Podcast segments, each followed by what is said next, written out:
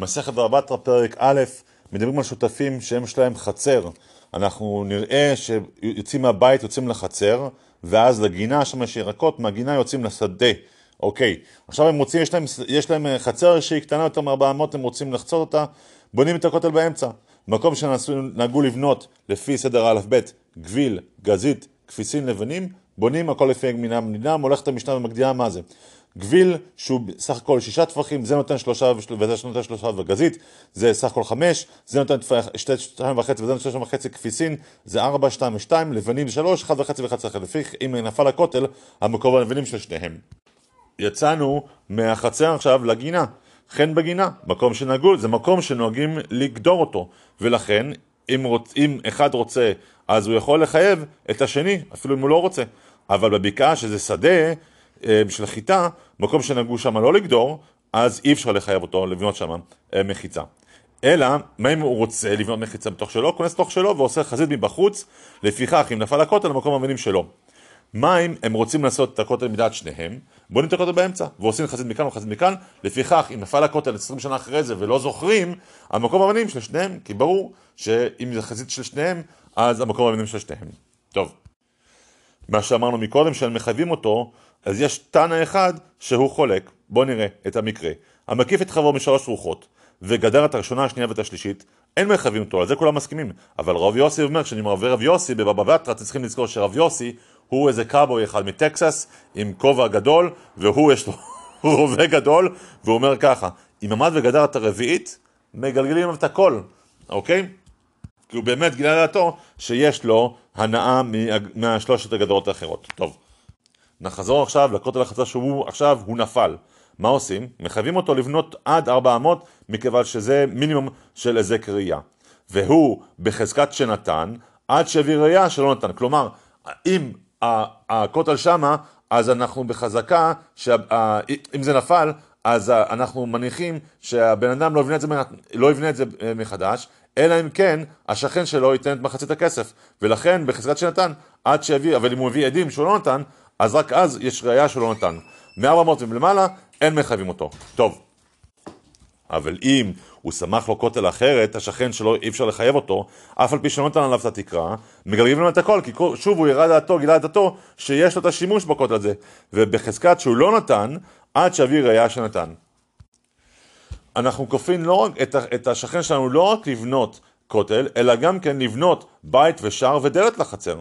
רשב"ג אומר, לא כל החצרות ראויות לבית השער, כופין, ומה, ואם כבר אנחנו מדברים על בית, שער ודלת לחצר, בואו תראו שגם לעיר אנחנו כופים אותו לבנות חומה ודתיים ובריח. רשב"ג אומר, לא כל האריות, העיירות ראויות לחומה. טוב, עכשיו כדי שנגדיר כמה, מה, מהי עיר, כמה יהיה בעיר ויהיה אנשי, כאנשי העיר, הוא צריך לגור בה 12 חודש. אבל אם הוא קנה בה בית דירה, הרי הוא כאנשי העיר מיד, ולא צריך לחכות 12 חודש. אוקיי, עכשיו נחזור עכשיו לכללים של חצר, גינה ושדה. חצר צריכה להיות מינימום גודל מסוים שנוכל לחלוק אותה, כי אם היא קטנה, אז, אז מה, אין מה לחלוק. מה המינימום השיעור? אה, אין חולקים את החצר עד שיהיה 400 לזה ו-400 לזה. מתחת לזה אי אפשר לקוף. ולא את השדה, שזה הכי גדול, עד שיהיה בתשעה קבין לזה ותשעה קבין לזה. רב יהודה אומר, עד שתשעה חצאי קבין ותשעה חצאי קבין לזה, נזכור את המידות האלה, גם מחלוקות אז לחזור עוד מעט, ולא את הגינה, שזה האמצע, עד שיהיה בה חצי קו לזה וחצי קו לזה, רבי רבי עקיבא אומר בית רובע, אנחנו נחזור עוד פעם לדבר הזה. עכשיו, לא רק את החצר ואת הגינה ואת השדה אנחנו חוצים, אבל גם כן דברים אחרים, תראו. שישה פריטים שהם אה, נוטריקון ט' מ' ב', טרקלין, מורן ש... ובית, שובח, ואו שוב ט' מ' ב', טלית, מרחץ ובית הבד. עד שיהיה כדאי לזה וכדאי לזה שזה יהיה מינימום של זה וזה הכלל כל שאפשר לחלוק ושמו עליו שעדיין נקרא בית מרחץ נגיד אז חולקין אבל אם האב ואין חולקין מתי? בזמן שאין, שאין שניהם רוצים אבל אם שהם רוצים אפילו פחות מכאן יחלוקו חוץ מכתבי הקודש שאף על פי ששניהם רוצים לא יחלוקו מסכת בבא בתרא פרק ב' זה פרק הרחקות אנחנו רואים שהבן אדם אף על פי שהוא כבר, הוא בבית שלו והוא בתוך אפילו הגדר שלו, עדיין הוא לא, הוא לא יכול לעשות מה שהוא רוצה. ויש שלוש חטיבות של דברים שהוא צריך להרחיק. דרך החקות, הדבר הראשון זה בור. לא יחפור אדם בור סמוך לבורו של חברו, לא שיח לו מערה, לא אמת המים, לא נברך את הקופסין, אלא אם כן כל חברו שלושה טפחים, וגם סד בסיד. כמו כן, אי אפשר לשים כל מיני חומרים ליד הכותל, מרחיקים את כל החומרים שבמסכת שבת למדנו שהם מוסיפים הבל, שהם בפי סדר האלף-בית, גפל, זבל, מלח, סיד וסלעים, מקודו של חברו שלושה טפחים, וגם סד בסיד. וכמו כן צריכים להרחיק את הזרעים ואת המחרישה מן הרגליים מן הכותל שלושה טפחים. משהו אחרון, מרחיקים את הריחיים, שלושה מן השכב שהם ארבעה מן הרכב, ואת התנור שלושה מן הכלייה שהם ארבעה מן השפה, ש... שלא לא ייווצר מצב של סכנה של אה, דלקה. עכשיו שדיברנו על תנור, תדעו לכם שאפילו הבית לא יעמיד אדם תנור בתוך הבית, אלא אם כן יש על גביו גובה של ארבע אמות, ואם היה מעמידו בעלייה, אז צריך שיהיה תחתיו מעזבה, צריך רווח של מתחת לתנור שלושה טפחים, אבל קירה שפחות חמה, אז רק טפח. אבל תנא קם אומר, אם מזיק, משלם עדיין מה שהזיק. אפילו אם יחיקתו לחכות רגע רבי שמעון חולק ואומר, לא אמרו כל השירים האלה, אלא שאם מזיק, פטור מלשלם. תשמעו את אה, רבי שמעון, אז הוא יחזור אלינו עוד פעם עם, אותה, עם אותו הליין הזה, אוקיי. לא רק שאנחנו נרחיק כל מיני דברים, אלא אפילו, אפילו חנות. לא יפתח אדם חנות של נחתומין או של צבעין, נחתומין זה כאילו אה, בן אדם שהוא אופה, וצבעין תחת אוצרו של חברו, שם הוא שומר את כל הפירות שלו, למה? כי הם מוסיפים עוד גם, הם מוסיפים חום. לא רפת של בקר, כי זה מסריח, באמת, ביין התירו, למה? אה, כי זה, החום הוא, הוא מיטיב ליין, אבל לא ברפת בקר, כי זה, זה מסריח. אוקיי. מה עם חנות שבחצר? דיברנו על חנות. מה בן אדם רוצה לפתוח חנות בחצר ולמכור שם דברים? הבן אדם, שכנים יכולים למכור בידו ולומר לו, היי, אני לא יכול לישון מכל הנכנסים ומכל היוצאים. אבל אף על פי כן, מותר לעשות כלים ומותר לצאת ולמכור אותם בתוך השוק. ואי אפשר להגיד לו, היי, אני לא יכול לישון לא מכל הפטיש, לא מכל הריחיים ולא מכל התינוקות. לא רק שאי אפשר לשים משהו שיכול להזיק, אלא גם כן אי אפשר לשים משהו שיכול למנוע הנאה לשכן. מי שהכותו סמוך לכותל חברו לא יסמוך לו כותל אחר. כי אז בין אנשים אה, לא יכלו לעבור אה, שם, אלא אם כן הרחיק ממנו 400. והחלונות מלמעלה מלמעלה המגדן, אמרנו 400 מכיוון שהיזק ראייה מינימום 400. טוב. מרחיקים לא רק נזק, אלא גם כן את הסולם מן השובח 400, כדי שתקפוץ הנמייה, אף פי שלכשעצמו הוא לא נזק, ואת הכותל מן המזחילה 400, כדי שיזקף את הסולם. מזחילה, דרך אגב, זה בימינו אה, מרזב, איפה שזוחלים המים החוצה. טוב, לא רק מן הכותל מרחיקים דברים, מרחיקים את השובח מן העיר. שימו לב, אנחנו עכשיו עוברים לעיר, חמישים אמה. מה שדיברנו מקודם, כי דיברנו מקודם על שובח, נכון? הסולם מן השובח. עכשיו מדברים על שובח מן העיר, חמישים אמה, ולא יעשה אדם שובח בתוך שלו. אלא אם כן יש לו חמישים אמה לכל רוח שאינה עוברת חמישים אמה כדי שתאכל בתוך שלה. רבי אומר אפילו פחות, אפילו אה, יותר מזה, בתר בר קוראים מלא שקר עונה, אבל אם לקחו, אפילו בית רובע, אם לקח אפילו מרחק מאוד קטן, אבל אם לקראת הבית וכבר יש בו שובח, אפילו אם זה במרחק קטן, הרי הוא בחזקתו. מה אם מצאנו ליפול? ציפור קטנה שנפלה ונמצא בתוך חמישים אמה, הרי הוא של בעל השובח. חוץ מחמישים אמה, הרי הוא של מוצאו. מה אם הוא נמצא בשני שובחות? קרוב לזה שלו, קרוב לזה שלו, מחצה על מחצה, שניהם יחלוקו. אנחנו עכשיו מתחילים את החטיבה השנייה של הפרק הזה. מרחיקים את האילן, מה אנחנו אמרנו מקודם? שמרחיקים את השובח מן העיר. ממשיכים עם ההרחקות, אבל עכשיו אומרים לאילן. מרחיקים את, העיר, את האילן מן העיר 25 אמה. חרו ושקמה, מכיוון שהם יוצאים יותר גדולים, 50 אמה. אבא שלו אומר, כל אילן סרק 50 אה, אמה. עכשיו, אם העיר קדמה לבן אדם ששם שם את העץ, אז הוא קוצץ את העץ ולא נותן לו דמים.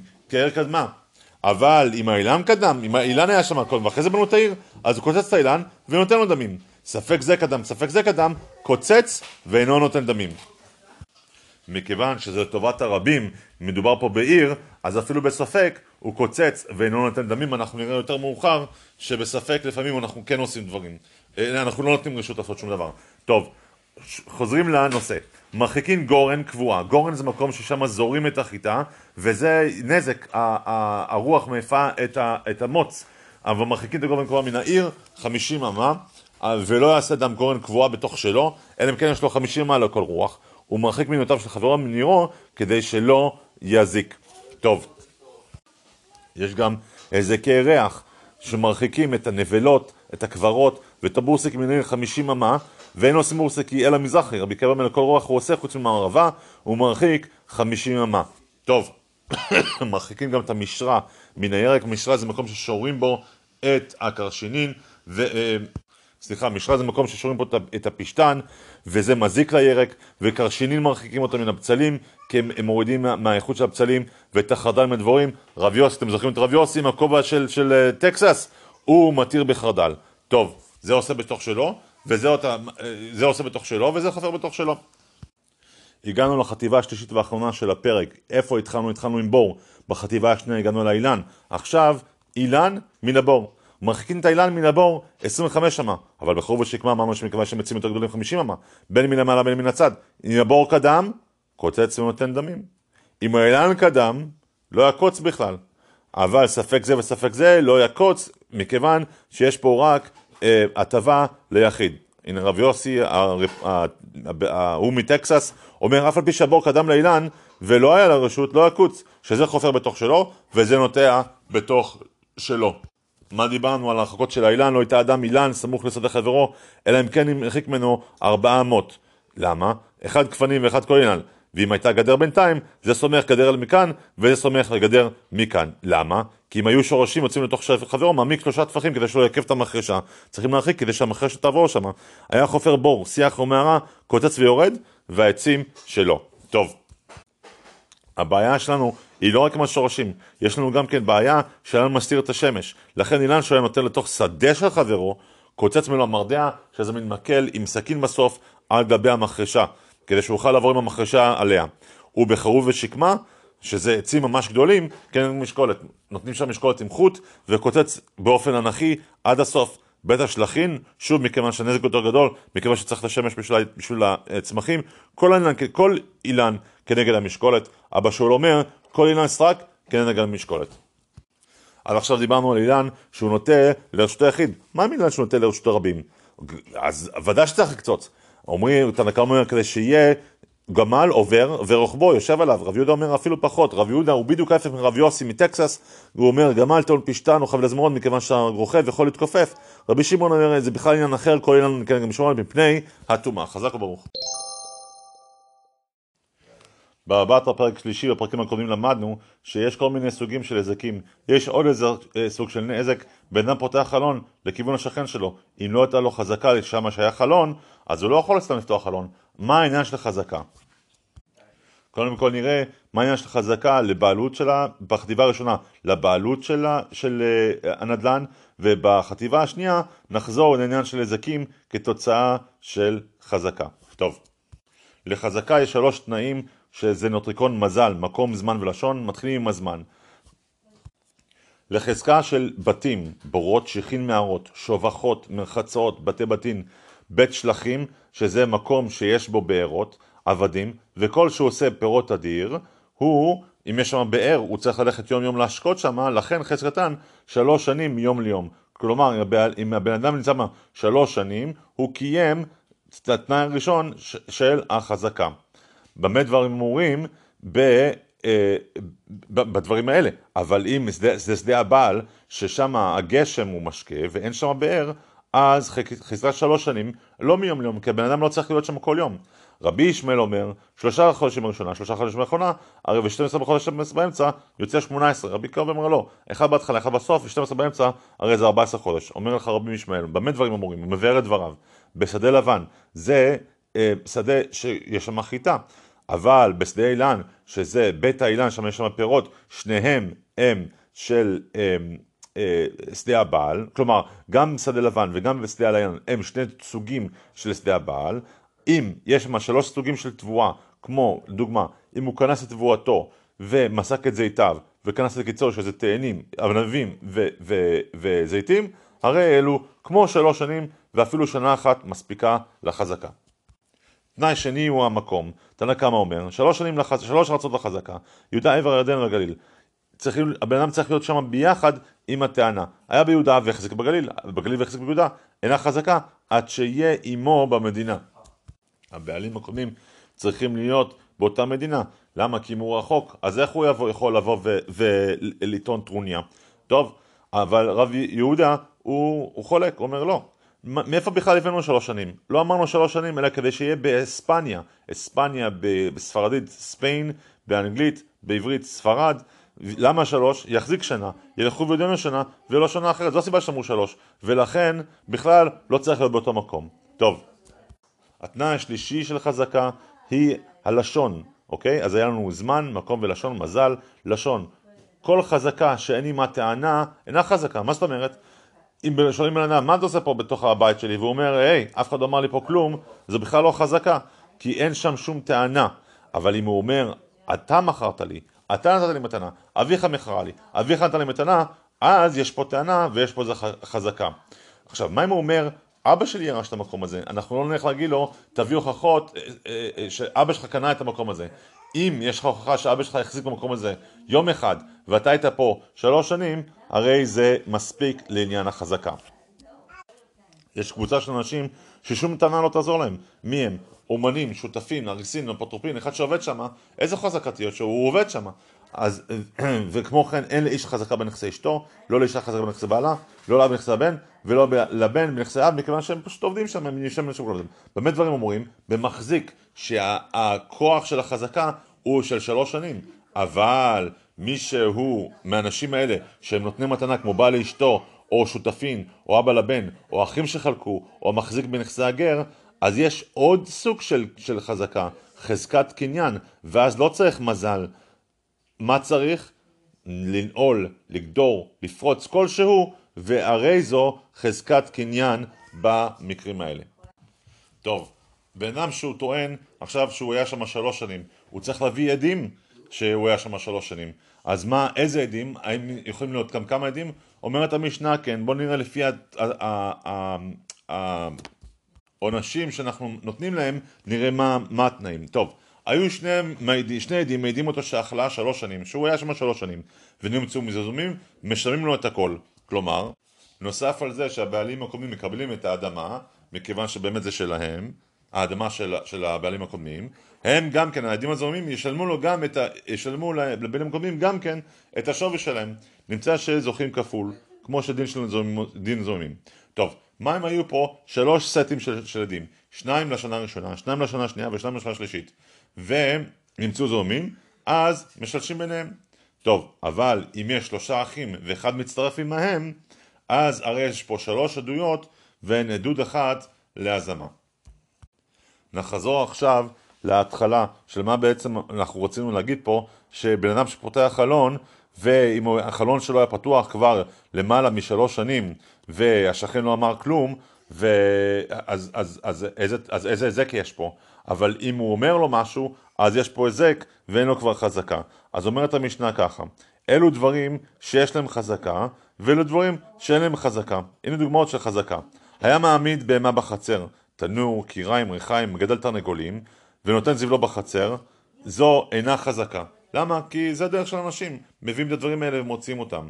אבל אם הוא עשה מחיצה לבהמתו, לפחות עשרה טפחים, וכן התנור, וכן הקיריים, וכן הריחיים, או הכניס את תרנגולים, כמו שאמרנו, יצאו תרנגולים, הוא הכניס תרנגולים לתוך הבית, ושם עשה מקום לזבלו עמוק שלוש טפחים הוא גבוה שלוש שפחים, אז הוא עשה מעשה, ואם הוא עשה את זה יותר משלוש שנים, אז יש לו חזקה להמשיך ככה כבר באופן קבוע.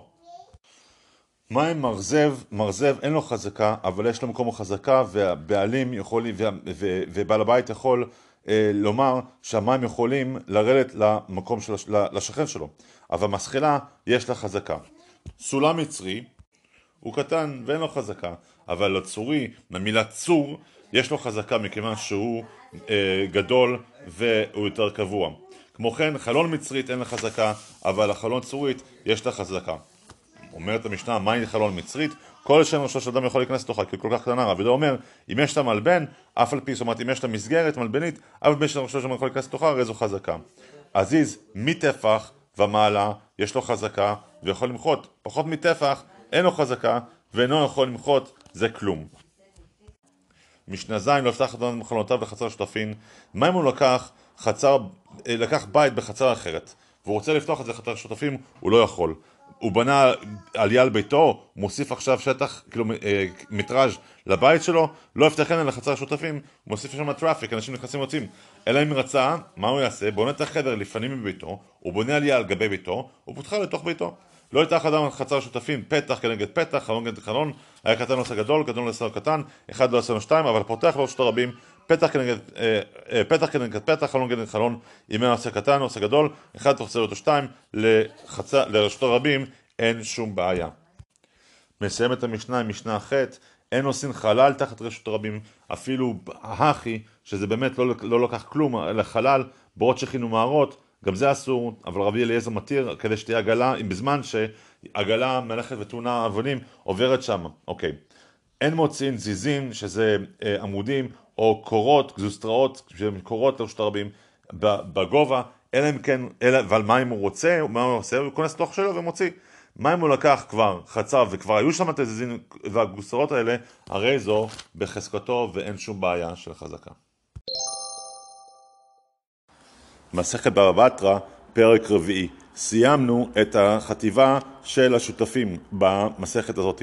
במסכת, בפרק הקודם התחלנו על אה, חזקה שזה דרך אחד להעביר אה, אינטרסים בנדל"ן. מה, מה הדרך השנייה? מכירה. עכשיו אנחנו מדברים על מכירה. כשבן אדם מוכר בית שלו, האם הוא מוכר גם את הנברשת? האם היא בכלל הבית או לא? זו השאלה. המוכר את הבית, הוא לא מכר לא את היציאה, שזה החדר מחסן שנמצא מאחוריו, אף על פי שהיא פתוחה לתוכו, ולא את החדר שלפנים ממנו, ולא, מכיוון שהם חדרים נפרדים שעומדים בפני עצמם, שאפשר אז היה למכור אותם מעצמם.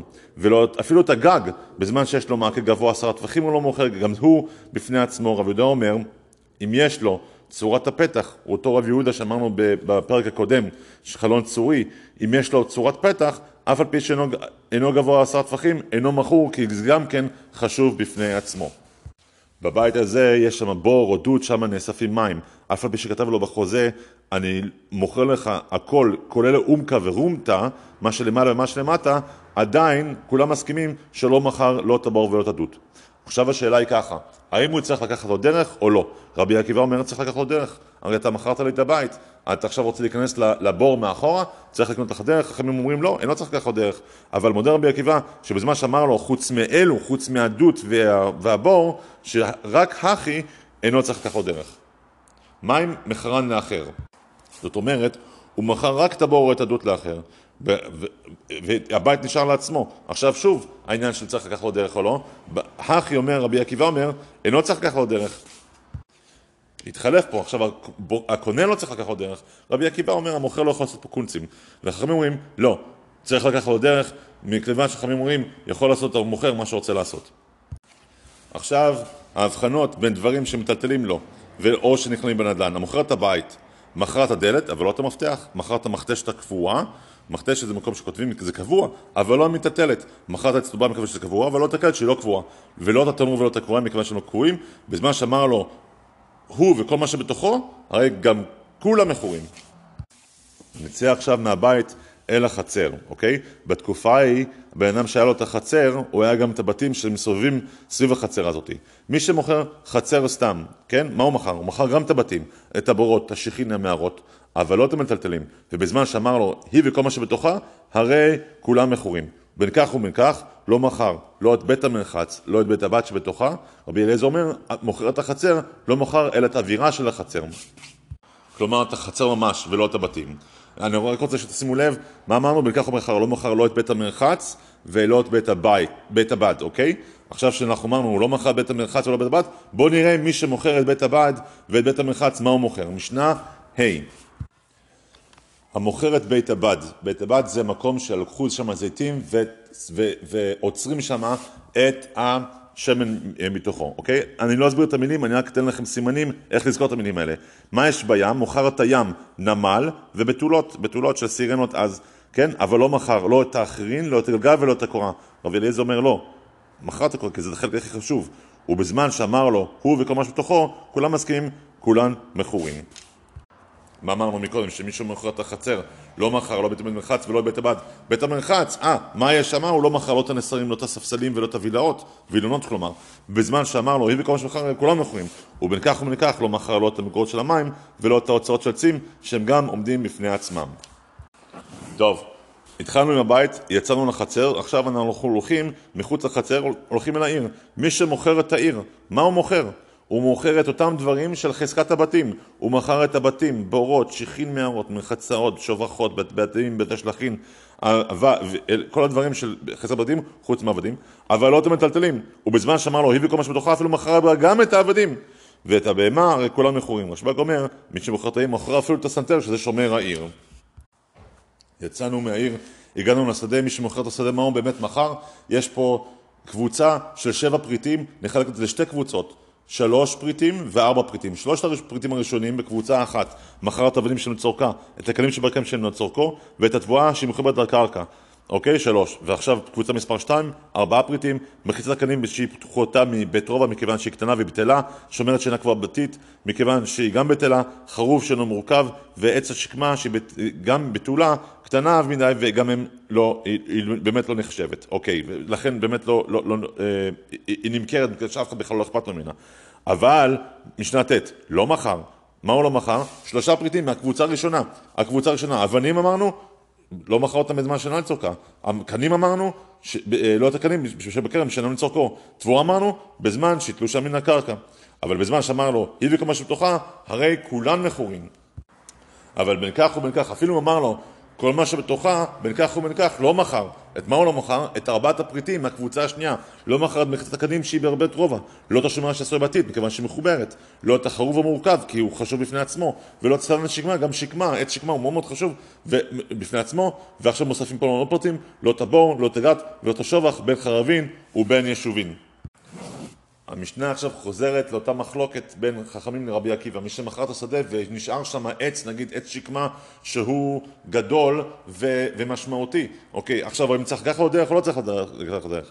צריך לקחת לו דרך, דברי רבי עקיבא, וחכמים אומרים, אינו צריך לקחת לו דרך. ומודה רבי עקיבא, מה שאמר לו, חוץ מאלו, שלא צריך לקחת את זה מחלה רבי עקיבא אומר, אינו צריך לקחת לו דרך, הם אומרים, צריך לקחת לו דרך, תראו את המשנה מספר 2, ב', במה דברים אומרים? במוכר שרשאי לשחק משחקים, אבל בנותן מתנה, מי שנותן מתנה באמת נותן את כולם, ולא, ואין אין, אין בכלל, לא יכול לפרט מה כן ומה לא. ואחים שחלקו וזכו בשדה, זכו בכולם, המחזיק בנזקי העקר, החזיק בשדה, החזיק בכולם. המקדיש לשדה, הקדיש גם את כולם. רבי שמעון אומר, המקדיש לשדה לא הקדיש אלא את החרוב המורכב וצדן השקמה, למה? כי הוא מוכר חוץ מאלה שיונקים את הקדושה מתוכם. חזק וברוך. בבא בתרא פרק חמישי. בפרק הקודם ראינו מי שמוכר את הבית, מה הוא מכר ומה לא מכר, עכשיו נלך לכלי תחבורה. מה הוא מכר? מה לא מכר? המוכר את הספינה. מכר את התורן, את הנס, את העוגין ואת כל הפריטים שמנהיגים אותה, את הספינה הזאת. אבל לא מכר לא את העבדים, לא את המרצופים, למסקים, בוודאי שלא מכר לו את האנטיקי, אלה, זה המלאי שנמצא בתוך הספינה. אבל בזמן שאמר לו, הביא כל מה שבתוכה, אפילו הכי כולם מכורים. כולם מכורים. מי שמוכר את הקרון? שקרון מורכב מעגלה והפרדות. כן? לא מכרת פרידות. מכרת פרידות, לא מכרת קרון. מכרת צמד, לא מכרת בקר. מכרת בקר, לא מכרת צמר. רבי דה אומר, הדמים מודיעים, כן? כיצד? אמר לו, מחול לצמדך ב-200 זוז. והדבר ידוע שאין הצמדים ב-200 זוז, הצמד נמכר נגיד רק ב-30 זוז. אז אנחנו יודעים שהוא מכר את זה, הוא מכר 200 זוז, הוא מכר את שניהם ביחד. חכמים אומרים, אין הדמים ראייה. עוד כלי תחבורה. המוכר את החמור, לא מכרת כליו, נכון עומדי אומר מכרת כליו, רבי יהודה אמר יש פעמים שכן ויש פעמים שלא. איך יודעים? היה חמור לפניו וכליו עליו, אמר לו, מכור את חמורך זה, הרי כולם מכורים. אבל, שואל אותו, תגיד לי, חמורך הוא? אין כליו מכורים, כי הוא באמת רק שאלה, שאלה, שאלה. טוב. מה אם מישהו אמר, אני מוכר לך חמור בזמן שהיא חולבת? חמור חולבת. החלב שהיא שבא מהחמור הוא לא כשר, אז למה, למה המוכר אמר שיש חולבת? משמע שהשיח גם כן בכלל המכירה. מה שאין כן בזמן שמישהו מוכר פרה שהיא חולבת, הוא לא מכר את בנה כי החלב כשר, לכן אה, לא, לא בכלל. מה עם דברים עכשיו שיש דברים שנמצאים בתוכם, מי שמוכר את ההשפעה מכר את הזבל שנמצא בתוך ההשפעה מי שמכר בור, מוכר את המים שנמצא בתוכו, מי שמכר כוורת, מכר את הדברים שבתוכו, מי שמוכר את השבח, מכר יונים. טוב, מי שרוצה עכשיו לקחת פירות, כלומר את, ש, את הפירות שנמצאים בתוך השובח מחברו. אני מוכר, יש לי שובח של יונים, אני רוצה למכור את היונים אבל לא רוצה למכור את השובח, כן? תדע לך, אתה קונה, תדע לך שאני מוכר את השובח, את היונים, אני נותן לך את כולם חוץ את הזוג הראשון, אותם אני מפריח, כדי שיהיו לי עוד יונים לעתיד. וכמו כן, פירות כוורת, את הדבורים נותן שלושה נחילים ומסרס לסירוגין, חלות דבש, מניח שתי חלות שיהיו לעתיד, לשאר הדבורים שמה, וזיתים לקוץ, מניח שתי גרופיות שיוכלו לגדול שוב. משנה ד' מי שקונה אילן, אילן אחד, רק עץ אחד, כולם מסכימים, גם חכמים וגם רבים מסכימים שבאמת הוא קונה רק את העץ והוא לא קונה את הקרקע. מחלוקת חכמים ורבי מאיר אם קונה שתי עצים. הכי, רבי מאיר אומר, קנה קרקע, חכמים אומרים, הרי זה לא קנה לו קרקע. מה נפקא מינה? אם שתי העצים האלה גדלו, בעל הקרקע לא יכול לחתוך אותם, לא ישפה. כי זה לא שלו, זה של בעל העץ. ועל המין הגזע של בעל העץ, מן השורשים של בעל הקרקע. ואם מתו, אין לבעל האילנות האלה קרקע, הלך עליו, הוא גב וראה גזר, גם צריך לפנות את האילנות. מה שאין כן, אם הוא קנה שלושה, שעל זה גם רב מאיר, גם חכמים יסכימו שהוא קנה קרקע, שאם הגדילו, ישפה, והעולה מן הגזר ומן השורשים של, שלו, ואם מתו, יש לו קרקע לטעת שוב עצים שם. אנחנו עכשיו יודעים בערך הדברים של מה שנמכר פה בפרק הזה. התחלנו מספינה שהיא מאוד מאוד יקרה, הלכנו לקרון, ירדנו לחמור, ירדנו לשני אילנות שקשורים לקרקע, עכשיו אנחנו יורדים, מה? למוכר ראש בהמה גסה, כמו פרה. לא מכרת רגליים, הראש והרגליים נמכרים בנפרד. מכרת רגליים, לא מכרת ראש. מכרת קנה, לא מכרת כבד, מכרת כבד, לא מכרת קנה, מכיוון שכל אחד חשוב בפני, ונקרא בפני עצמו. אבל בהמה דקה, אם מכרת ראש, בוודאי שמכרת רגליים. מכרת רגליים, אבל מכרת רגליים שהן מאוד מאוד קטנות, לא מכרת ראש. מכרת קנה, מכרת כבד, אבל מכרת כבד, לא מכרת קנה. לסיכום משני, מי שקנה משהו והוא חושב עכשיו שהייתה פה הונאה, לא הונאת מחיר שזה נמצא בפרק הזהב ופאב המציע, אלא הונאה אחרת. מה הם? יש פה ארבע, ארבע, ארבע אה, תמונות. בואו נראה. מכר לו חיטים יפות, המוכר מכר לו חיטים יפות, ופתאום הוא פותח, הקונה פותח אותם, הוא רואה שהחיטים הם רעות. מי יכול לחזור בו? הלוקח יכול לחזור בו, אבל לא המוכר. מה אם המוכר מכר רעות? תשמע, יש פה משהו שהוא ממש רע, ונמצאו יפות, המוכר יכול לחזור בו, אבל הקונה לא יכול לחזור. רעות מצאו רעות, יפות מצאו רעות, אף אחד מהם לא יכול לחזור בו. מה אם שחמית נמצא לבנה, לבנה נמצא שחמית, עצים של זית נמצא שחמה, שחמה נמצא של זית, יין נמצא חול, חול נמצא יין, במקרים האלה שניהם יכולים לחזור בהם. על מנת למנוע הונאה במכירה ובקנייה, אנחנו צריכים לדעת מתי המכירה התבצעה. אז עכשיו אנחנו נלך מכאן ועד אילך לראות מתי אה, המכירה באמת מתבצעת, אוקיי? המוכר פירות לחברו, בזמן שהוא משך אבל לא מדד, הוא קנה.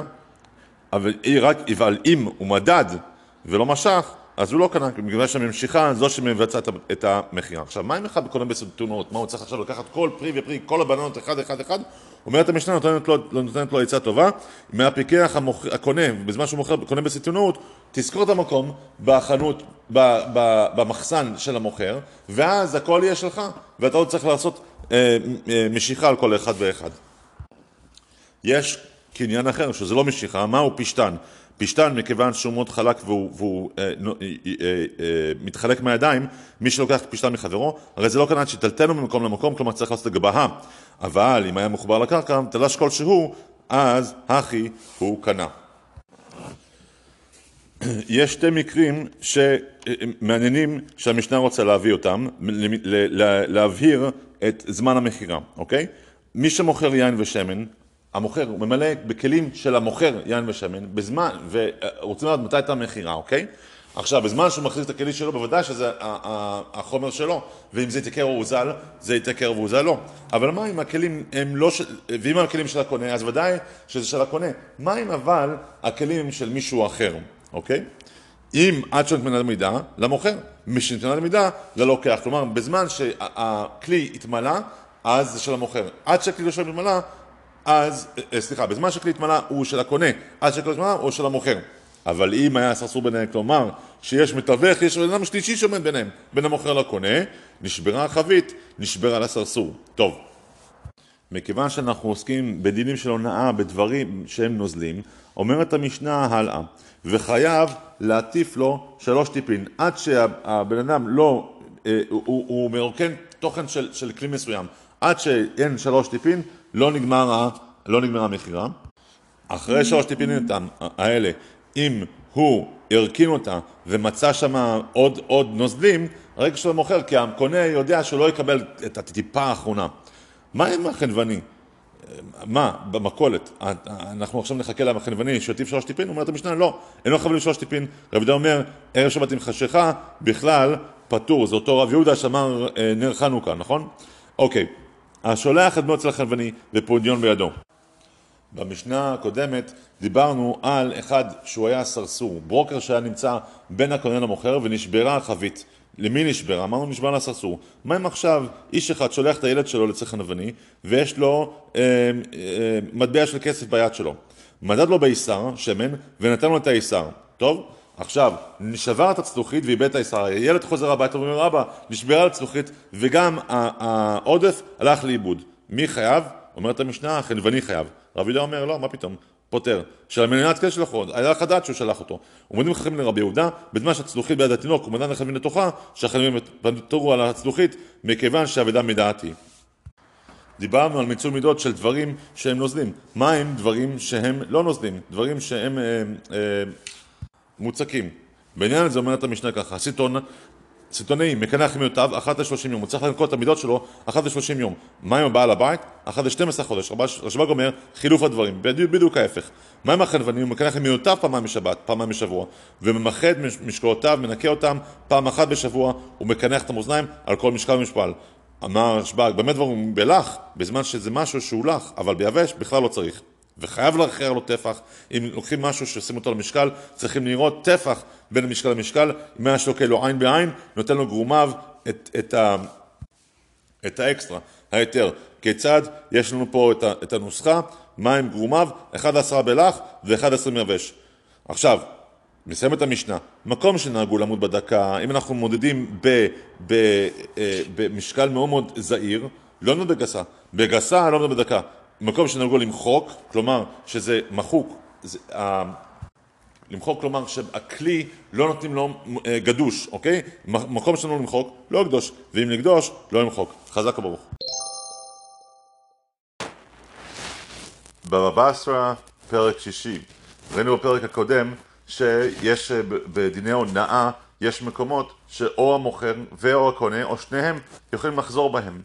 פה מתחיל ככה, המוכר תבואה, או פירות, הוא מכר לחברו, ולא צמחו, הוא הלך וזרע אותם, ולא, ולא צמח שום דבר. אפילו זרע פשטן שבדרך כלל זורעים אותו ולא אוכלים, לא חייב באחריותן, לא יכול לבקש ממנו אה, אה, החזר. מדייק מזה רשב"ג ואומר ככה, זרוגין, זה, בזמן שמזרוע גינה, ותמיד הם, הם, אה, ובטוח שהם אינם נאכלים, והם הולכים לזרוע, אז הכי יהיה חייב באחריותן. תדעו לכם שאפילו שאם אני חייב, מוכר, חייב באחריותן, הוא לא תמיד הקונה יכול לקבל החזר. מתי? אומרת המשנה, מוכר פירות לחברו, הרי זה מקבל עליו רוב הטינופת לסאה. כלומר, אחד מתוך 24 חלקים. מה הם? דוגמאות, מביאה משנה דוגמאות. תאנים מקבל עליו 10 מטולות ל-110 אחוז, מרתף של יין מקבל עליו 10 כוסות ל-100, שור תוססות ל-100, קלקנים בשרון מקבל עליו 10 פיתסות ל-100 קנקנים. טוב, מה שאמרנו שהוא מוכר לו יין ונמצא שזה יין תוסס, שזה יין חומץ, מה אם הוא, אה, ועדיין המוכר, הקונה לא יכול להחזיר את זה אה, אה, אם יש פחות מעשרה אחוז, מה אם הוא קנה יין והוא לא השתמש בו עד לכמה חודשים, והוא פותח את זה, ואז ראה שזה תוסס. המוכר יין לחברו והחמיץ, אינו חייב באחריותו, אבל אם ידוע שאינו מחמיץ, אם יש לו מוניטין רק מוכר שזה מחמיץ, הרי זה מקח טעות ואז הוא יכול לבוא ולקבל החזר. אבל אם אמר לו, המוכר, יין מבוסם אני מוכר לך, הוא לא יחמיץ, חייב להעמיד לו מסוכות עד שבועות. ישן, חייב להספיק שנה שלמה, מיושן, שלוש שנים. אלה סטנדרטים. אם אתה מוכר יין ישן, אתה חייב שהיין יישמר לך אה, לפחות שנה. אז אתה לא יכול לשים כל דבר שאתה רוצה על המדבקה. אה, דיברנו על סטנדרטים, מתחילה המשנה הלאה, מהם הסטנדרטים ולכל מיני דברים אחרים, וכך עד סוף הפרק. משנה ד', התחלנו עם פירות, אחרי זה הלכנו לתאנים, יין, עכשיו אנחנו יוצאים החוצה, מוכר, המוכר בית, מקום לבנות בית, וכן מקבל מחברו לקנות לו בית, כן? בית, בין שזה בית אה, חתנות לבנו, או בין אלמנות לבתו, שאם בתו תתגרש, שהיא תחזור לאביה, כמה מינימום סטנדרט של בית הכי קטן שיש, אומרת המשנה, אומר רבי עקיבא, זה 4 על 6, דהיינו בערך 60 square um, feet. רבי ישמעאל אומר, רגע רגע רבי עקיבא, אתם בן אדם עני מאוד, 4 על 6 זה רפת בקר. מה, מה אם ככה? רוצה לעשות רפל לבקר זה 4 על 6, אבל בונה 4, אה, אה, אה, אבל אם זה בית קטן, עכשיו הנה הסימן לזכור את המספרים האלה, תראו, 4 על 6, הזנב הוא 6, אז בית קטן, 6 על 8, הזנב הוא 8 עכשיו, גדול, 8 על 10, הזנב הוא 10, גדול, טרקלין, 10 על 10. עכשיו, מה הגובה? רומו כחצי אורכו וחצי רוחבו. ראיה לדבר, מה היכל? רבי שמואל אומר, מה פתאום? מה היכל? הכל כבניין ההיכל? ההיכל היה הבניין הכי מפואר בעולם. אתה הולך לפי זה? בשום פנים ואופן לא. נחזור לעניין של הסטנדרטים בעוד רגע על דרכים. מי שבונה עכשיו דרך, כמה הדרך צריכה להיות רחבה. אבל לפני שאנחנו מתחילים עם הסטנדרטים של הדרכים, רוצה המשנה לחזור לעניין שמי שמכר בית ועכשיו יש באר או יש גינה אה, מאחורה ואיזה רשות יש לבן אדם שהוא שיער לו דרך או שקנה לו דרך להיכנס ולצאת. אומרת המשנה ה' hey, מי שיש לו בור מים לפנים מביתו של חברו, מה יעשה? איזה רשות יש לו? הוא נכנס לדרשה שדרך בני אדם נכנסים ויוצא בדרך שבני אדם יוצאים, אבל לא מתי שהוא רוצה להיכנס ולצאת ואינו מכניס את בהמתו משקיעים בבורו, אלא מנהל משקיעים בחוץ. וזה עושה לו פותחת, הוא שם מנעול, וגם על הבית שם לו מנעול, ככה שהוא לא יכול להיכנס מתי שהוא רוצה. וכן מי שיש לו גינה הפעם, לא רק בור, גינה, לפני מגינה של חברו, הוא רוצה לזרוע אותה, הוא צריך להיכנס עכשיו דרך הגינה של חברו. הוא נכנס בשעה שדרך בני אדם נכנסים, הוא יוצא בשעה שדרך בני אדם יוצאים, ואינו מכניס לתוכה את הגרעין, להראות את התבואה, ולא ייכנס בתוכה לתוך שדה אחרת, והחיצון עדיין, אף על פי שיש שם דרך, הוא זורע את הדרך. אבל אם נתנו לו דרך מן הצד, מדעת שניהם, של שני בעלי בתים, אה, אז הוא יכול להיכנס באיזה שעה שהוא רוצה, ויוצא בשעה שהוא רוצה, מכניס לתוך התגרין, אבל אף על פי כן לא ייכנס מתוכה לתוך שדה אחרת, כי הם נתנו לו דרך רק לסיבה הזאתי, וזה וזה אינם רשאים לזורעה. עניין האחרון בדרך, בעניין של דרך לפני שאנחנו חוזרים לסטנדרטים, מי שאת הדרך הרבים עובר בתוך שדהו. נטלה, והוא לקח לדרך הזאתי, ונתן לד... ל... ל... ל... לרבים אה, דרך מן הצד. מה שנתן נתן, ושלא לא הגיעו, כלומר לא חוזרת אליו, רשות, אל, אל תתעסק עם רשות הרבים, אתה הפסדת עכשיו את שניהם. טוב, נחזור לסטנדרטים. מי שעכשיו יש לו דרך, כמה הדרך צריכה להיות בתוך שלו? אם זה דרך היחיד 400, דרך הרבים 1600, דרך המלך אין לה שיעור, כמה שהוא רוצה הוא יכול לעבור משם והוא לא צריך לשלם על ההיזק, דרך הקבר גם אין לה שיעור, המעמד לקבורה, דני ציפור אמור, בית ארבעה קבין. דיברנו על סטנדרטים, אה, אה, מידות סטנדרטיות של בית. מה עם קבר? מוכר מקום לחברו לעשות לו קבר, וחלק מקבל לו לעשות לו קבר. מה הסטנדרט? אה, אני יכול לעשות מה שאני רוצה, אומרת המשנה לא. עושות לך של מראה 400 על 6, עוד פעם 4 על 6, אותה מידה של רבי עקיבא מקודם, הפעם זה קבר, הוא פותח לו תוכל שמונה כוכים, מה זה הכוך? איפה ששמים את הארון, שלושה מכאן, שלושה, מהצ... שלושה מימין, שלושה משמאל ושתיים מנגד. והכוך בעצמו, מה הגודל שלו? ארבעה אמות ורומן שבעה ורוחבן שישה טפחים. רשב"ג אומר שוב פעם, היי, כמו רבי עקיבא מקודם, היי, עושה תוכה של מערה שש אמות עד שמונה, אתם עוד פעם יודעים מהשש עד שמונה, בדרך כלל פתוחה שלושה עשר מכאן, ארבעה מכאן וארבעה מכאן ושלושה מנגדן, כלומר יש אפילו בזוויות, ואחד מימין בטח ואחד מן השמאל. ועושה חצר על פי המערה שש על שש, למה? כי אם לא המיטה וקובריה, שיש מקום להיכנס ולצאת. הוא פותח לתוכה שתי מערות, אחת מכאן ואחת מכאן, רבי שמעון אומר, ארבעה לארבעה ארוחותיה, רשב"ג אומר, הכל לפי הסלע. חזק וברוך. בבא עשרה, פרק שביעי ואחרון בחטיבה של ההונאות ומה נכלל במכירה, שאנחנו אומרים, מי שמוכר לחברו, בית כור עפר אני מוכר לך, נגיד שזה דונם אדמה, ואם היו שם נקעים עמוקים, או אה, אה, אם הם עמוקים עשרה טפחים יותר, או סלעים גבוהים מעשרה טפחים יותר, אז המקומות האלה לא נדמים, במה אני קניתי? אני קניתי במקום לזרוע, יש סלע נקי, אז באמת הסלע הזה הוא לא, לא, לא עובד בשביל שום דבר. אבל אם זה פחות מעשרה טפחים, אז הם כן נדמה. טוב, אבל אם אמר לו, ככור עפר אני מוכר לך, זה פחות או יותר, אפילו יש שם נקים עמוקים יותר מעשרה טפחים, או סלעים גבוהים יותר מעשרה טפחים, הרי לא יודעים מה. עד כאן עניינים של מה נכלל בתוך. משנה ב', עכשיו מה המידה בעצמה? בית כור עפר אני מוכר לך, מידה בחבל, אוקיי? נגיד שאני מוכר לך עשרה מטרים, עם מידה בחבל, אז פחות כלשהו יהיה נקה, הותיר כלשהו יהיה חזיר. אבל אם אמר, אין, פחות או יותר, אין חסר, אין יותר, אז אפילו פחד מכאן עד רוב על הסאה, הותיר עד רוב על הסאה, הגיעו. אבל אם יותר מכאן, בואו נעשה חשבון, ואז ינקה או יחזיר. טוב, מה הוא מחזיר? השאלה הזאת אומרת, אם, ה, אם הקונה אמר, אה, המוכר אמר אני נותן לך דונם, ונמצא שיש שם דונם ועוד כמה עשרה מטרים מרובעים. אז מה, מה יהיה? אז אומרים, פה אומרת המשנה, שאו שהקונה ייתן לו מעות על, השטח אדמה נוסף, או אם רצה המוכר, מחזיר לו את הקרקע. הקונה פשוט ייתן לו את הקרקע בחזרה, את, ה, את השטח אדמה הזה. עכשיו, למה, אומר, למה המשנה אומרת מחזיר לו מעות, אם ככה? כדי להפות כוחו של מוכר, כי אז לא יש לו את השליטה אם, ל, ל, אה, לקבל את המעות או לקבל את האדמה בחזרה. למה? כי זה פשוט. מה יעשה המוכר עכשיו עם כמה מטרים מרובעים שבאמת אין לו גישה לשם ובכלל הוא לא צריך? אבל אומרת המשנה שאם שיער בשדה בתשעה קבין והכינה בית חצי קו וכדי ברבי קבע רבי טרובה, אתם זוכרים את המקומות האלה? זה מהפרק הראשון, השותפים שרצו לחצות, מחזיר לו את הקרקע, אז מחזיר לו את הקרקע. לקונה כבר אז יש את האופציה להגיד לו, תשמע, הקרקע הזאת שפה אקסטרה, היא, היא מספיק להיות בפני עצמה ואתה יכול למכור את זה למישהו אחר. ועכשיו, מה הוא מחזיר באמת?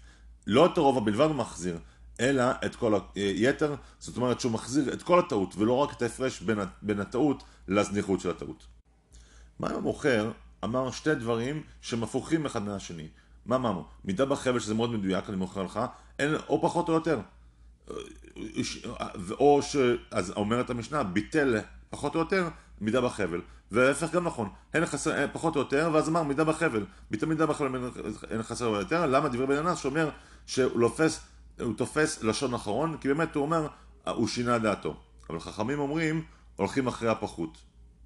מה המוכר אומר עליך, אני תשמע, אני מוכר לך את השטח אדמה מהנהר עד העץ.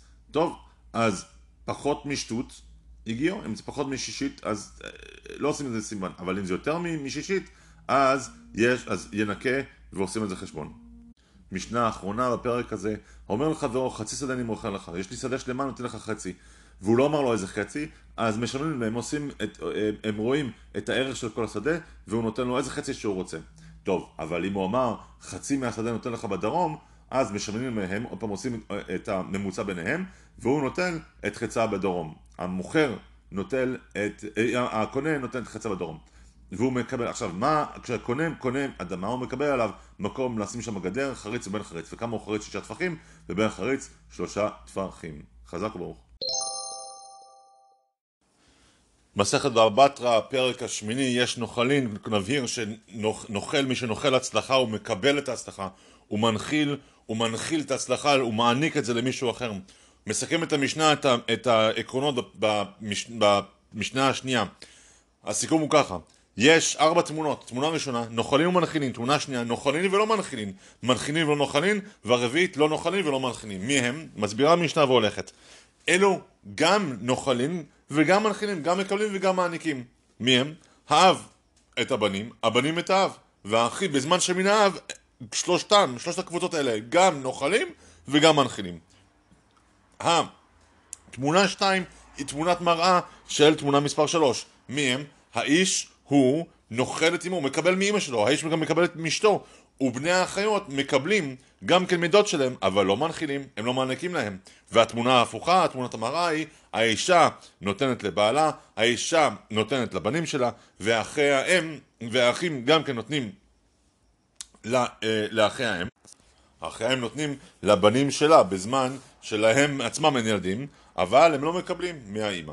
ויש קבוצה רביעית שהיא גם לא נותנת וגם לא מקבלת מי הם האחים מן האם, אישה לה שני בנים משני אבות שונים, אף על פי שהם אחים מאותה אימא, הם באמת לא נוחלים, לא נותנים, לא, לא נותנים ולא מקבלים אחד מהשני. טוב. משנה ב' אלה העקרונות של הנחלה, כתוב בפרשת פנחס. סדר הנחלות כך הוא, איש כי ימות בזמן שבן אין לו, רק אז העברתם את נחלו ביתו. יוצא מכאן שבן קודם לבת. ועוד מעט נסביר מה, זה, מה זאת אומרת כל יוצא ערכו של בן קודמים לבת במשנה הבאה. בת קודמת לאחים של הנפטר, ויוצא ערכה של בת קודמים לאחים. האחים של הנפטר קודמים לאחי האב, לדודים שלו, ויוצא ערכים של האחים קודמים לחיי, לאחי האב. זה הכלל, הסיכום, כל הקודם בנחלה יוצא ערכו קודמים, והאב קודם לכל יוצא ערכו. אם לא הבנתם הרבה, לא נורא, בעל המשנה נותן לנו עכשיו דוגמה במשנה ג'. קודם כל נקדים ונסביר שכל גבר שהיה מעל גיל 21 בזמן של יציאת מצרים קיבל נחלה בארץ ישראל. אוקיי, עמדו שם שלוש גברים, חפר, הסבא, והיו לו שתי בנים, צלופחד וריקרדו. המצאתי את ריקרדו עכשיו. אוקיי, עכשיו, גם חפר וגם צלופחד נפטרו. באמת יש פה עכשיו שתי חלון, נחלות לחלק בארץ ישראל. גם את של חפר וגם את של הבן הבכור שלו, צלופחד. מי יקבל? הבנות של צלופחד או ריקרדו? אלה האופציות. אומרת המשנה, בנות צלופחד נתנו שלושה חלקים בנחלה. למה שלושה? קודם כל את החלק של אביהן. מכיוון שהוא היה אצל מצרים, ולא ריקרדו קיבל את זה מכיוון שלצלופחד לא היה בן, והבת קודמת לאחים, בנות צלופחד קודמת לאחים של צלופחד, זה אחד. חלק שני, חפר נפטר, נכון? הנכסים של חפר צריכים עכשיו ללכת גם לריקרדו וגם לצלופחד, אבל צלופחד גם נפטר, אף על פי שהוא נפטר, הבנות שלו עומדות במקום של צלופחד. זהו מה שאמרה המשנה, כל הקודם הנחלה, יוצא ערכו קודמים. ומכיוון שצלופחד בעצמו היה בכור, אז הוא היה זכאי לשני חלקים מארץ ישראל, ולכן הם קיבלו שלוש. טוב, נסביר בקצרה מה זאת אומרת, והאב קודם לכל יוצר ערכו, זאת אומרת שאם לצלופחד לא היו ילדים, אז לפני שהאחים של חפר היו מקבלים נכסים, הנחלה של צלופחד הייתה הולכת לאבא שלו של חפר, ומשם הייתה מתחלקת ליוצר ערכו של חפר. טוב, ראינו במשנה קודמת שהאח נוכל פי שתיים, נכון? נוכל בכור. בכור נוכל פי שתיים. אומרת משנה ד' אומרת המשנה במשנה ד' שאחד הבן ואחד הבת לנחלה. זאת אומרת שכשם שהבן נוכל לפני הבת בנכ... בנכסי האב, הוא גם נוכל לפני אחותו בנכסי האם. אבל הבן נוטל פי שניים רק בנכסי האב, אבל לא פי שניים בנכסי האם. והגבור אחרי הבנות ניזונות רק מנכסי האב, ואינן ניזונות מנכסי האם. משנה ה' hey, אנחנו יודעים שבן בכור אמור לקבל פי שתיים בנחלה. מה אם לבן אדם לא רוצה את פי שתיים בנחלה בן שלו? הוא לא רוצה. הוא אומר, אומר, איש פלוני, בני, הוא בני בכורי, לא יותר פי שתיים בנחלה. איש בני פלוני לא ירש בכלל עם אחיו. הוא לא אמר כלום, מכיוון שהוא מתנה על מה שכתוב בתורה. אי אפשר נגד מה שכתוב בתורה. אבל אם הוא נותן את זה בחזקת מתנה, מחלק נכסיו לבניו על פיו בחזקת מתנה, ריבה לאחד, מעת לאחר, השווה להן את הבכור, דבריו קמים.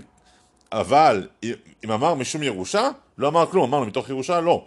אבל בתור מתנה, בין אם הוא כתב בין מתחילה בין אם בין הסוף, משום מתנה, דבריו קיימים. זה בעניין של בן. מה אם מבחינת זר? בן אדם רוצה לתת לאיש זר על האחים שלו, על הבנים שלו עצמם. אומר, איש פלוני יירשני, במקום שיש בת. ביתי תירשני, במקום שיש בן, לא אמר כלום, מכיוון שהוא מתנה מה שכתוב בתורה. רבי יוחנן בן מתוקו אומר רק רגע, אם הוא אמר את זה על מישהו ראוי לירושה, על הבן אדם הזר הזה, אז דבריו קיימים. אבל אם הוא אמר על מישהו לא ירושה, אז דבריו אינם קיימים. מה אם הוא רוצה לעקוף את זה דרך מתנה, כמו שראינו במשנה הקודמת? הוא כותב את נכסיו לאחים, לאחרים, לבן אדם זר, והניח את בניו, אוקיי? מה שעשה עשוי מכיוון שזה מתנה וזה לא ירושה. אבל אין רוח חכמים נוחה ממנו. רשב"ג אומר, תשמעו, אם לא היו בנים נוהגים כשורה, הבנים שלו ירדו מהדרך, אז לא רק שזה בסדר, זה גם זכור לו טוב. בן אדם שיכול להיות שנמצא לארץ דווי, יכול להיות שלא, על כל פיקרה הוא אומר, זה בני, אומרת התורה, שבן אדם נעמד להגיד על מישהו שאחד שהוא הבן שלו, ולכן הוא נפטר, הבן הזה יירש אותו. אבל מה שאין כן עם אח, מי שאומר על בן אדם, זה אחי, הוא לא נאמן, והאח הזה לא יירש אותו במקרה של עצמו אין ילדים. אבל יש דברים שהוא יש דברים שבזמן שאומר שזה אחיו, שיש להם אפקט, כן? מה האפקט הוא ככה. א', נותן עמו בחלקו. כלומר, אם ליעקב יש שתי בנים, ראובן ושמעון, שמעון אומר לראובן, ראובן, אתה יודע, הילד הזה פה, בשכונה, בנימין הוא אח שלנו. בנימין, אז, אז ראובן יכול להגיד לו, תשמע, מה פתאום, אני לא מקבל את, את, את בנימין בכלל בתור אח. כשיעקב נפטר, אז הנכסים של יעקב ילכו לראובן בתור הבן שלו וילכו לשמעון, אבל מכיוון ששמעון אמר שבנימין, הוא באמת הודה שבנימין הוא אח שלו, אז שמעון יחלוק עם הנכסים של אבא שלו, של יעקב, עם בנימין, אבל לא ראובן. ואז אם בנימין נפטר, אז יחזור לשמעון. למה? כי ראובן באמת לא הכיר בנימין, אז יחזור לשמעון. אומרת המשתה ומסתייגת, אבל בזמן, בזמן שלבנימין נפלו על נכסים במקום אחר, לא מהירושה של אבא, ירשו אחיו עמו. ראובן יכול להגיד, תשמע, אני התכחשתי שבנימין הוא באמת אח שלי רק לעניין של נחלה מאבא יעקב, אבל אם בנימין זכה במפעל הפיס ממקום אחר, אז בטח שהוא יכול להיות אח שלי, אין בעיה. טוב, עכשיו, מה אם הוא לא הספיק להגיד שהילד זה, זה בני, אוקיי? מי שמת ולא הספיק להגיד כלום דבר, ונמצאת יתד כי נמצא הפנקס קשורה יחו, הרי זה לא אמר כלום, שמא נמלך. אבל אם זיקה ביתקי לאחר נתן לו למישהו אחר, בין אם הוא מן היורשים ובין אם היורשים, אז דבריו קיימים. משנה ז', ראינו במשנה הקודמת מה קורה בן אדם שנותן בחזקת ירושה לאנשים ביתקי. עכשיו, מה אם הוא נותן בחזקת מתנה? הכותב נכסיו לבניו, אוקיי? הוא כותב לו, אתה תקבל את הבניין הזה, והבן הזה אתה תקבל את הבניין הזה. הוא צריך שיכתוב מהיום, דברי רב יהודה. למה? כי מה אומר רב יהודה? אם לא תכתוב מהיום, אז באמת לאחר המיטה נכסים כבר יהיו של היורשים שלך, ולא יהיה לך מתנה כבר לא, לא תהיה בתוקף. רב יוסי אומר לא צריך, התאריך בעצמו מעיד. אז מה, מה התוצאות? שבן אדם נותן את, הבני, את הנכסים לבנים שלו אחרי המוות, אבל בינתיים הוא רוצה לאכול מהפירות. מה התוצאות? האב לא יכול לאכול למכור את הנכסים מפני שהם כבר כתובים לבן, והבנים לא יכולים גם למכור את הנכסים מפני שהם ברשות האב. לא יכולים למכור מפני שהם ברשות האב, that's, that's right. מכיוון שהאבא עדיין יכול לאכול מהפירות של זה, אז לבן אין, אין שליטה מוחלטת, ב, ב, אין קניין מוחלט בבניין. מחר האב, מה הוא מכר באמת? מכרון הפירות עד שימות. מחר הבן, אין לו לוקח בהן כלום עד שימות האב. זה ההסבר שהסברתי מקודם. טוב, האב תולש את הפירות ומאכיל למי שהוא רוצה. אבל מה שניח תלוש אחרי המיטה, הרי הוא של היורשים. והמחובר, כמו שאנחנו כבר יודעים, הולך עם הקרקע.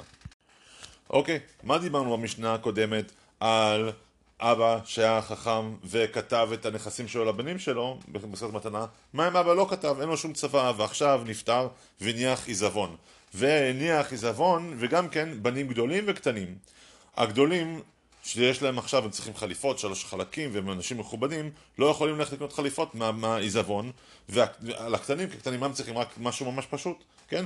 והקטנים גם כן, מהצד השני, לא נזירים גדולים, קטנים שיש להם צרכים של אוכל יותר גדול מצרכים של הגדולים, אלא חולקים שווה בשווה.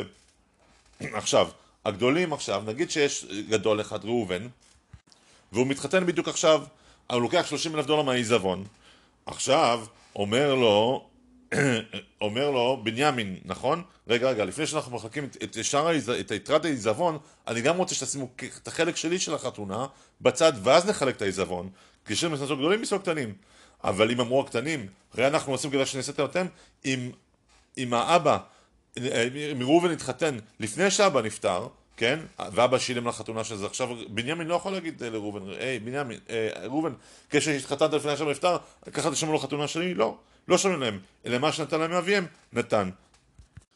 כמו כן עם בנות, מי שהניח בנות גדולות וקטנות ואין לו, לא, לא כתב שום צוואה, אין גדולות מתפרסמות קטנות ולא קטנות נזונות קטנות, אלא חוקות שבשווה, נעשו גדולות אצלו קטנות, ואם אמרו קטנות, נראה לנו קשות ונעשו נתן, לא שומעים להם. אבל יש חומר בנות מבנים, למה? שהבנות ניזונות מהבנים, נכון? אבל אינן ניזונות מהבנות. אם בן אדם השאיר רק בנות, אז הקטנות לא ניזונות מה, מהבנות האחרות. ההסבר המלא בפרק הבא, בפרק התשיעי. חזק וברוך. בבתרא, פרק תשיעי. למדנו בפרק הקודם שאחד מה, מהדברים שגבר לוקח על עצמו בכתובה זה שהוא צריך ליזון את הבנות, אוקיי? עכשיו, איך זה מסתדר עם הכוח של הבן לירוש את הנכס? זה הנושא של הפרק שלנו.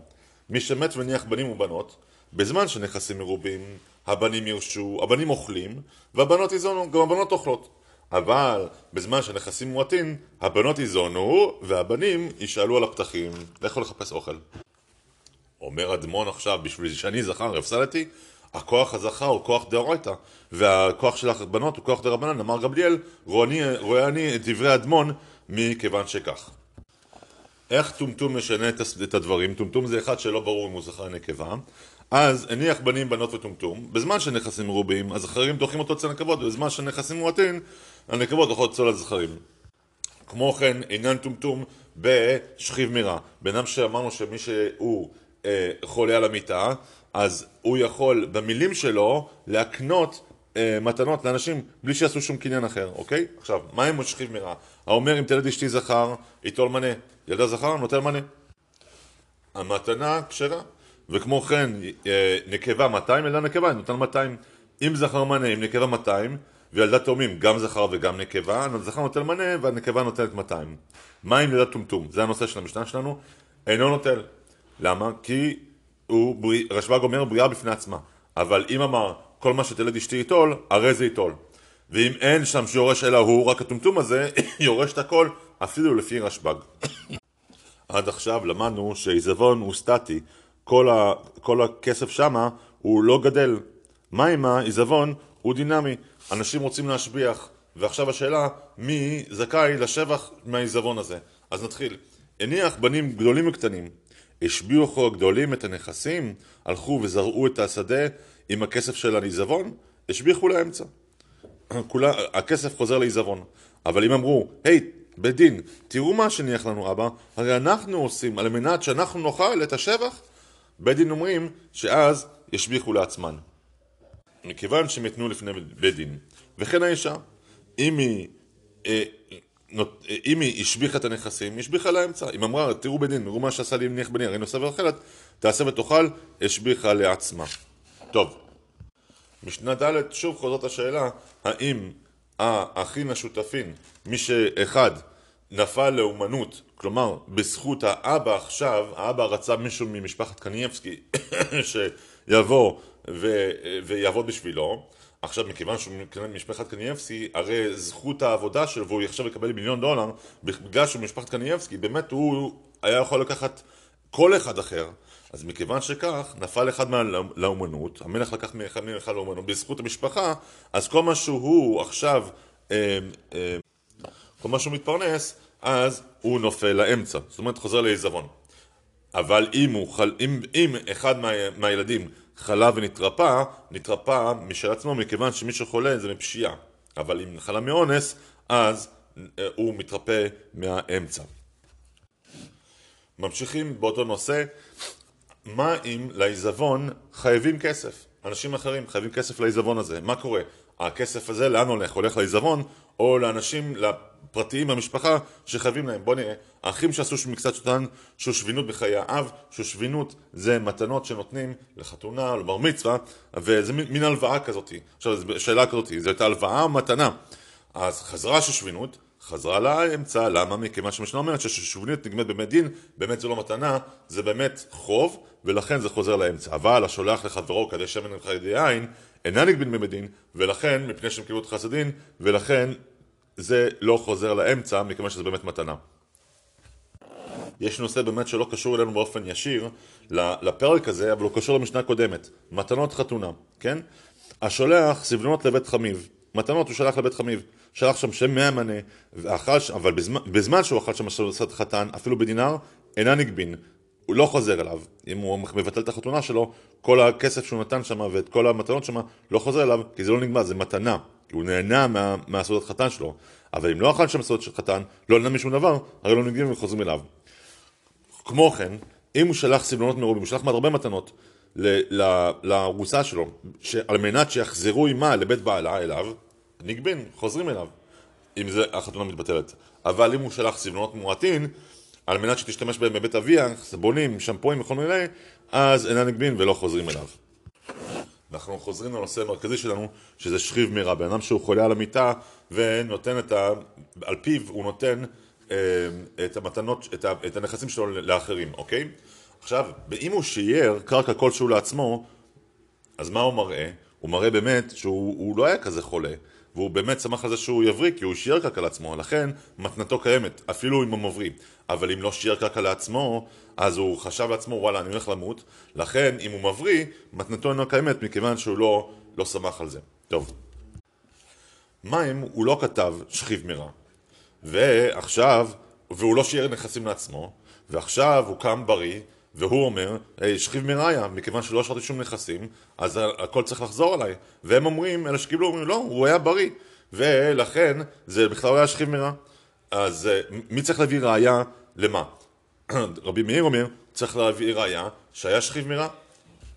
מכיוון שעכשיו הוא בריא, הייתה לו חזקה גם שלפני זה היה בריא.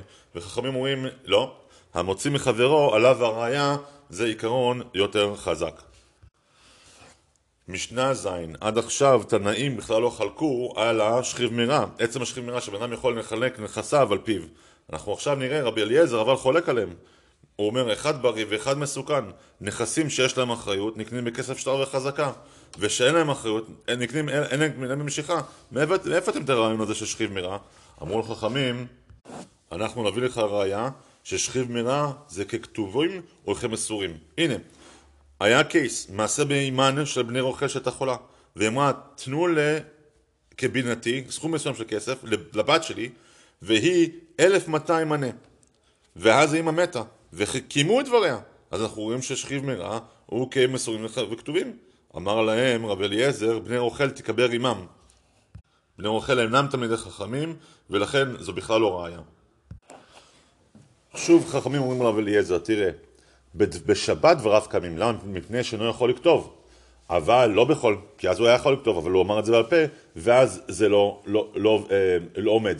רב יהושע אומר, רגע, רגע, אם בשבת אמרו, קל וחומר שבכל, וכיוצא בה, אני אתן לכם עוד דוגמה, זכין לקטן ואין זכין לגדול.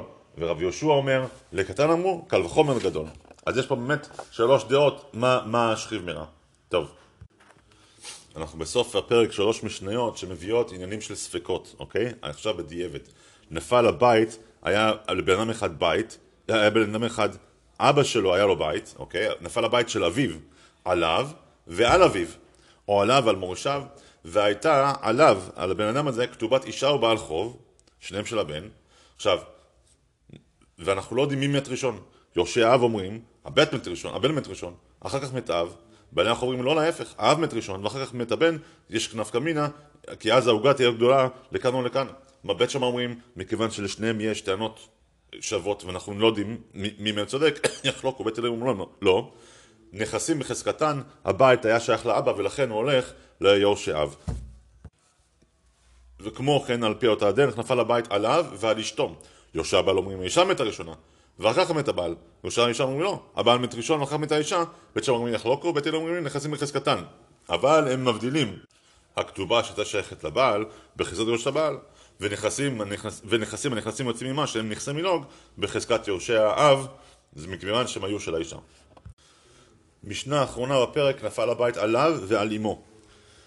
אפילו בית הלל מודים שיחלוקו. למה? למה הקייס הזה לא דומה למקרה הקודם? מכיוון שהאישה בעצמה היא, לא, היא, הבית לא שלה. היא, היא, היא באה, היא רוצה את הבית, היורשים שלה, זאת אומרת צד, צד האחים שלה או אבא שלה רוצים את הבית, למה? מכיוון שהיא מכוח ירושה. וזו אותו, אותה טענה שיש גם לבנים, שגם הם רוצים את כוח, כוח הירושה.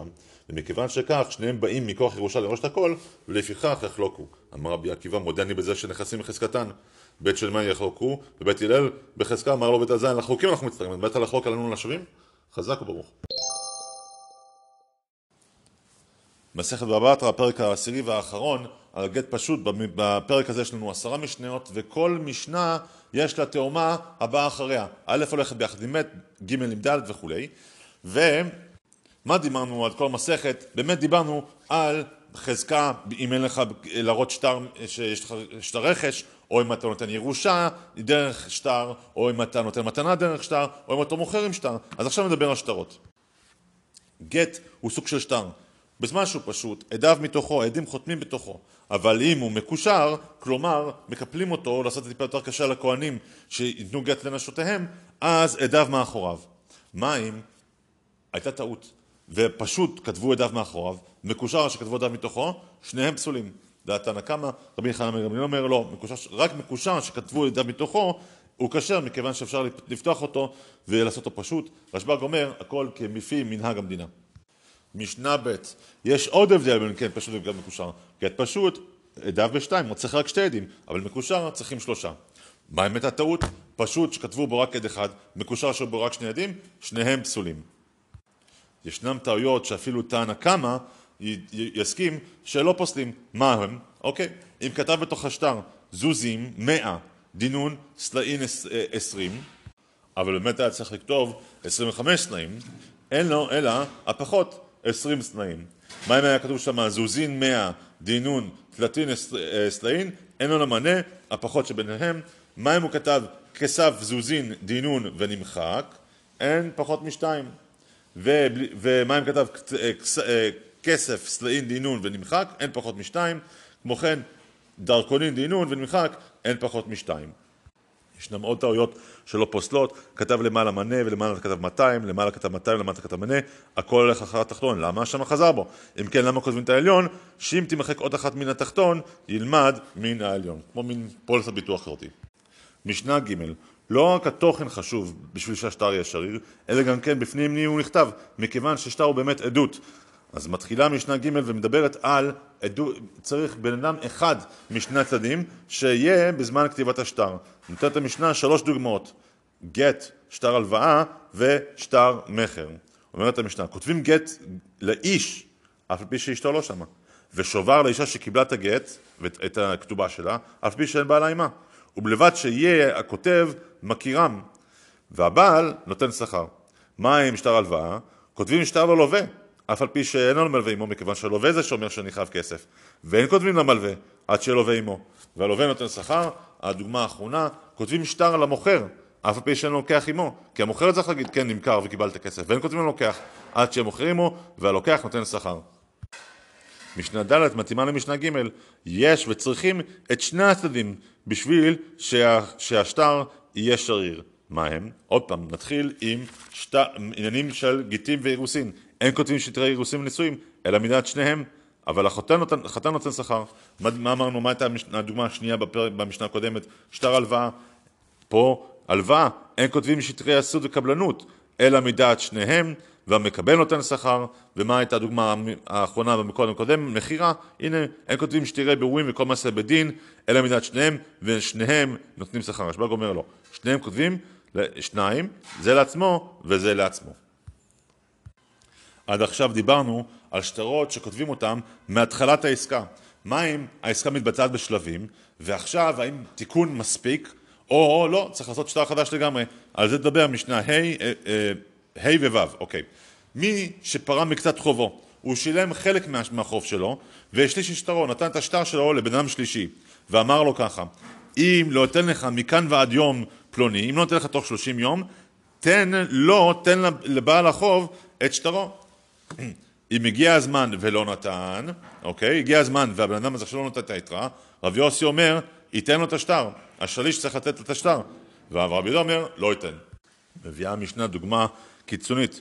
מי שנמחק שטר חובו, והעדים מעידים שהוא נמחק, שנשפך עליו דיו, שהוא נרמס במים, ומעידים עליו עדים, הוא בא לפני בית דין ועושים עליו קיום. מה זה הקיום הזה? כותבים, איש פלוני בן פלוני נמחק שטרו ביום פלוני, ופלוני ופלוני עדיו. טוב, משנה ו' היא התאומה של משנה ה', מי שפרע מקצת חובו, אוקיי? ולא קיבל שובר עכשיו. מה, מה עכשיו הדין? כתוב בשטר, אני חייב 100 דולר וכבר נתתי 20 דולר, אני לא חייב יותר 100, אני חייב רק 20, אני חייב רק 80. הרב יהודה אומר, לא, אם אתה נותן אותו שובר, תחליף את השטר.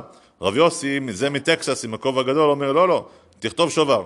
רב אמר רב יהודה, נמצא זה צריך להיות שומר השבוע בין העכברים? אמר לו רב יוסי, ככה יפה לו, ולא יהיה כוחו של זה. כלומר, לא צריכים להרע את הכוחו של המלווה, בגלל שאנחנו רק חושבים על הלווה. זה רב יוסי מטקסס. טוב, משנה ז', מה דיברנו במשנה קודמת על העני שמורע כוחו בזמן שאין לו שובר ועכשיו הוא צריך לשבור, לשמור על השובר מן העכברים במשנה ז' מדברת על עני אחר שגם מורע כוחו אבל ואין לו קשר בכלל לשטרות. מה אומרת המשנה? שני אחים, אחד עני ואחד עשיר, הניח למביאיהם בית מרחץ ובית הבד. בזמן שעשה האבא, עשה אותם לשכר, מעלים שכר מקום, כן, שכר דירה, השכר הולך לאמצע, ואני יכול לכפות את העשיר ולהגיד לו, תשמע, אני צריך את השכר המקום הזה. והעשיר אומר לו, מה אני צריך את השכר המקום הזה? זה גרושים בשבילי, אני באמת רוצה את זה לשימוש פרטי. לא, העני יכול לכפות אותו.